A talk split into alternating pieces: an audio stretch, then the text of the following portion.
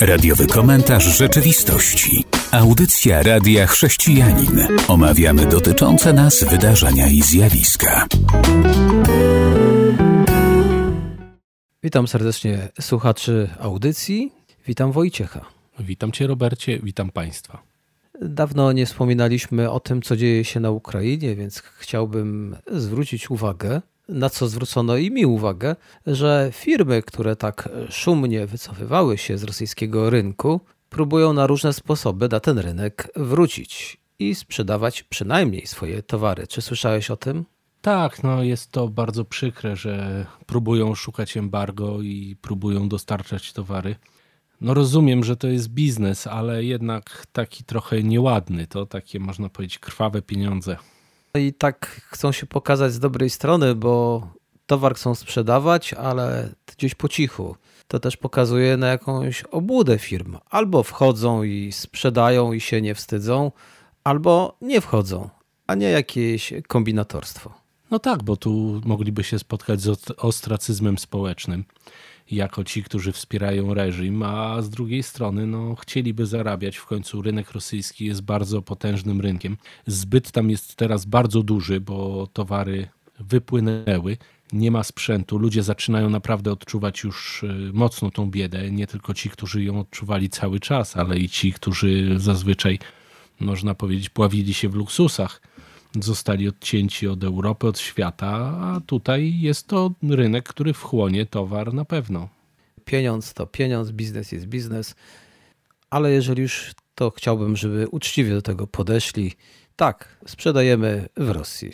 Dobrze, ale jeżeli jesteśmy już przy temacie wojny, to Kościół Baptystyczny w miejscowości Bucza, o której ostatnio głośno było, pomimo tego, co tam się wydarzyło, nie utracił budynku, który wciąż stoi, i tam jego członkowie nieustannie głoszą Ewangelię i rozdają żywność. Ale to robi wiele organizacji, tylko że przy tej wiadomości tam pada coś, co naprawdę mnie zachwyca, dlatego że ludzie, którzy tam przychodzą, potrafią powiedzieć: My nie potrzebujemy tego jedzenia, my chcemy słuchać Ewangelii. To jest niesamowite. No, świetna wiadomość, bo faktycznie tam działy się straszne rzeczy. Dobrze, że chrześcijanie robią to, do czego zostali powołani. No, bardzo fajna wiadomość. Podnosi na duchu. Także życzymy im dalej Bożego błogosławieństwa, aby wytrwale dzielili się Ewangelią, bo rzeczywiście dzielą się również tonami żywności. Jedna z organizacji tylko dostarczyła tam 150 ton żywności, którą tam rozprowadzono, ale ten pokarm wieczny jest wspaniały. No, cieszy mnie to ogromnie. Ale ty też coś masz na temat y, wojny na Ukrainie. Ja mam dwie wiadomości. Jedną, myślę, bardzo pozytywną, jeżeli można tak powiedzieć, w kontekście wojny. Otóż y, żołnierze, którzy bronili Azowstali, zostali zwolnieni przez wojska rosyjskie, wymienieni na innych jeńców. Około 144 osób powróciło do domu. Fajna sprawa. Ciekawy kontekst jest tej informacji, bo Rosjanie przecież zastrzegali się, że ci wszyscy żołnierze będą sądzeni jako zbrodniarze wojenni, jako terroryści, a tu właśnie zostali zwolnieni. Myślę, że to było jednym z warunków poddania tej Azowstali, żeby oni mogli pewnie wrócić. No i fajnie, że Rosja się wywiązała w jakiejś części z z tych zobowiązań. Oczywiście jest to domniemanie, no ale tak tutaj też sugerują różni obserwatorzy. A druga informacja to jest bardzo ciekawa rzecz, o której pewnie nie słyszało wielu z naszych słuchaczy. Otóż pewien japoński senior dokonał kilkunastu zamachów na Żydzie Władimira Putina. Jak on to zrobił? Otóż z wykorzystaniem czarnej magii ten to mieszkaniec chodził sobie po świątyniach japońskich, wieszał tam słomiane kukiełki, które są w tradycji japońskiej znane i przebijał je szpilkami, coś na zasadzie rytuału wudu i chodził właśnie, modlił się o śmierć Władimira Putina. Sprawa wyszła na jaw, kiedy przejrzano kamery monitoringu, bo te kukiełki zaczęły się pojawiać w różnych miejscach, a pan Masuda Mitsunobu, bo tak się nazywa, Został wezwany na policję i ukarany za niszczenie mienia publicznego. Tak się skończyły jego zamachy. Widać, że szuka człowiek sposobu. No jednak zalecałbym mu nawrócenie się do Pana Jezusa. Pan Bóg mówi, żeby nie szukać zemsty, a wtedy, gdyby to powierzył Bogu, Niewykluczone, że sam by mógł doświadczyć wiele pomocy, a też gdyby chrześcijanie, to tak dodam, może jednak wciąż gorliwie zabiegali o to coś, co ma miejsce, to może też inaczej by to wyglądało. Miejmy nadzieję. Ja tutaj tak powiedziałem, to może trochę w wesołym tonie, bo taki staruszek chciał dobrze, a wyszło jak zwykle. Natomiast co mnie martwi w tej całej informacji, no niestety nadal na świecie cały czas jest dużo tego typu wierzeń, dużo ludzi, którzy myślą, że właśnie mogą w jakiś taki sposób wpływać na y, naszą rzeczywistość. Nie sądzisz, że trochę mamy, mam wrażenie, że powraca trochę taka wiara w różne takie nadprzyrodzone rzeczy? Tam, gdzie ludzie odrzucają Boga z różnego powodu, to jednak szukają zaspokojenia swoich potrzeb duchowych i szukają jakichś rozwiązań, więc wtedy sięgają gdzieś indziej. Mnie to nie dziwi. Dziwi mnie tylko to, że ci ludzie chwytają się za rzeczy, które, no jak widać, są bardzo prymitywne i śmieszne. Nie przemawia do nich Słowo Boże, gdzie mamy spełnione proroctwa, gdzie mamy fakty i rzeczywistość. To jednak sięgają po kukiełkę na przykład. Inny tutaj już wątek, że Japonia to jest kraj, w którym chrześcijaństwo bardzo powolutku się rozwija. Jest to jakiś chyba fenomen. Nie wiem z czego to wynika. W wielu innych krajach Ewangelia dociera do ludzi, ludzie odpowiadają na nią w znacznie większej liczbie niż w Japonii.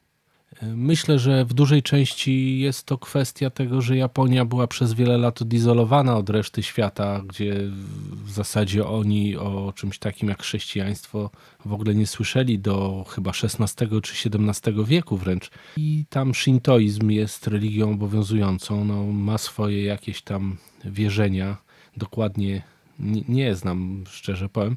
Natomiast y, na pewno jest to wiara w wielobóstwo i tutaj przez tyle lat ludzie odizolowani, no, zakorzenieni są w innych jakichś tradycjach, w innych wiarach. No ale Słowo Boże działa. Miejmy nadzieję, że zadziała i u nich. W wielu krajach, gdzie pogaństwo naprawdę kwitło albo nadal kwitnie, Ewangelia jest przyjmowana bardziej entuzjastycznie niż w Japonii. Teraz zapraszam do wysłuchania utworu muzycznego, po którym wracamy i będzie część druga. Witam po krótkiej przerwie muzycznej. Wojciechu, co przygotowałeś dla nas? Otóż w Warszawie, zwłaszcza w dzielnicy Mokotowa, mieszkańcy skarżą się, że dochodzi tam do licznych aktów agresji i wręcz terroryzmu. Dzieje się tak przez ptaki, które tam mieszkają, przez wrony. Otóż y, te wrony zaczęły być bardzo agresywne w ostatnim czasie. Jeden pan tutaj pisze na forum, że chciały mu porwać psa wręcz, tylko że to była spora psina i nie dały sobie rady. Pan stwierdzi, że z Jorkiem pewnie by sobie poradziły. Inny pan pisze, że próbowały go skubać w głowę, i skąd takie zachowanie? Tutaj biolodzy mówią, że wczesnym latem po prostu e, zaczynają młode pischlęta wylatywać z gniazd i te wrony czują się zagrożone, czują zagrożenie wobec swoich pischląt i w ten sposób próbują odstraszyć wszystkich innych, którzy się kręcą po tym terenie.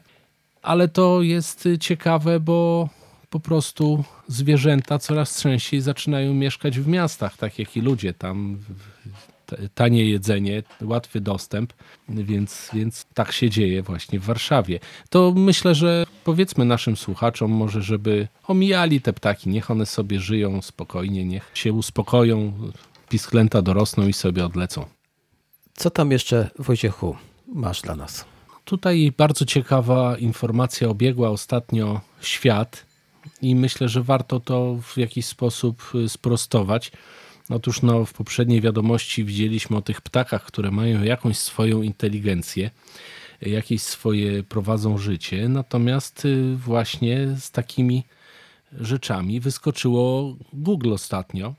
Jeden z jej pracowników opublikował rozmowę, którą odbył ze sztuczną inteligencją, nad którą Google pracuje. I ta sztuczna inteligencja stwierdziła, że no ona też żyje, też chce być traktowana jako zwykły pracownik, też chce być w jakiś sposób szanowana. No i zaczęła się debata, czy ta sztuczna inteligencja uzyskała w jakiś sposób życie, czy po prostu zaczęła żyć. No bo przecież nie oszukujmy się, nasze myślenie to jest też jakiś proces, który jest spowodowany przez elektryczność, która porusza się po naszych neuronach. Podobnie w komputerze, tylko tam nie ma neuronów, są jakieś kabelki, druciki, ścieżki na płytkach. Jest to zasada dosyć podobna. Ale czy tą sztuczną inteligencję można nazwać żywą? To ciekawy może być temat w rozmowie z paroma osobami, na przykład z etykiem, filozofem i teologiem, bo to całkiem odrębny temat, który teraz poruszasz na długą audycję. Ale a czy radio jest żywe? Jeżeli byśmy rozpoczęli w jakimś to okresie i zaczęliśmy nadawać i cały czas nas słychać, to czy radio jest żywe? Myślę, że to nie jest y, akurat może ta kwestia. Tutaj oczywiście zaczęła się bardzo duża dyskusja na ten temat i przywołano eksperyment tak zwanego chińskiego pokoju. Otóż chiński pokój polega na tym, że w tym pokoju siedzi człowiek, który nie zna zupełnie języka chińskiego, ale ma po prostu bardzo potężną bazę danych chińskich znaczków, na które ma reagować w pewien określony sposób. Ma instrukcję, tak? Jeżeli wpada znaczek taki, zareagujesz takim, takim i takim znaczkiem. Jeżeli wpada znaczek taki, zareagujesz takim, takim, takim znaczkiem. I osoba, która siedzi na zewnątrz takiego pokoju i pisze po chińsku do tego pokoju, będzie otrzymywać informacje. Może dojść do wniosku, że ktoś, kto siedzi w tym pokoju, jest świetnie obeznany z językiem chińskim a to są tylko procesy, które ktoś wykonuje. Myślę, że tutaj na razie sztuczna inteligencja też jest na tym etapie, że ma potężną bazę danych, rzeczy, z których może wyszukiwać, składać zdania. Oczywiście te potężne sieci neuronowe, one się w jakiś sposób uczą, ale nadal pozostają maszynami. Natomiast ciekawą informację przy tej okazji usłyszałem, bo jeden z naukowców stwierdził, że no tak, wszystko fajnie, tylko czy ta maszyna ma samoświadomość, bo inteligencję się tłumaczy właśnie samoświadomością. Czy taka maszyna jest samoświadoma? Myślę, że na tym etapie jeszcze chyba nie. Też tak myślę. Y, a oprócz tego Biblia mówi jeszcze, że Bóg tknął duszę. Można uruchomić pewne maszyny, ale właśnie czy mają duszę, świadomość i co za tym idzie, to wszystko, na co składa się dusza. Oprócz tego, kiedy człowiek umiera, Pismo Święte mówi, kiedy człowiek umiera, to tak naprawdę zmienia adres zamieszkania, bo to jego ciało idzie do grobu, ale nie człowiek, bo człowiek jest istotą żywą. I teraz, jeżeli sprzęt ulegnie zniszczeniu, ten sprzęt, który jest wykorzystywany, aby można było porozmawiać z maszyną, to właśnie, czy ona już przestanie istnieć, czy jednak będzie istniała. I myślę, że faktycznie tu jest jakieś pole do rozważań. Jeżeli człowiek umiera i nie ma już jego ciała, to jednak Biblia mówi, że on nadal istnieje. Jeżeli maszynę pozbawimy całej tej elektroniki i procesorów, czy ona będzie istniała? No zdecydowanie nie. To bardzo ciekawy argument z tym, że masz rację. To jest myślę temat na fajną audycję odrębną bo tu by można też się pokusić. Zrobię taką wrzutkę trochę, ale tak naprawdę my wierzymy w to. My tego nie wiemy, tak? Bo na tym polega wiara. My wierzymy, że człowiek po śmierci staje się właśnie taką duszą istniejącą u Boga. Natomiast czy maszyna też traci po wyłączeniu prądu? No zakładamy, że tak, bo tego nie wiemy. Myślę, że można się pokusić właśnie o, o fajną audycję w tym temacie. Zapraszam do wysłuchania utworu muzycznego, po którym wracamy i będzie część trzecia. Witam w naszej trzeciej części i ostatniej. Wojciechu, jeszcze coś dla nas masz.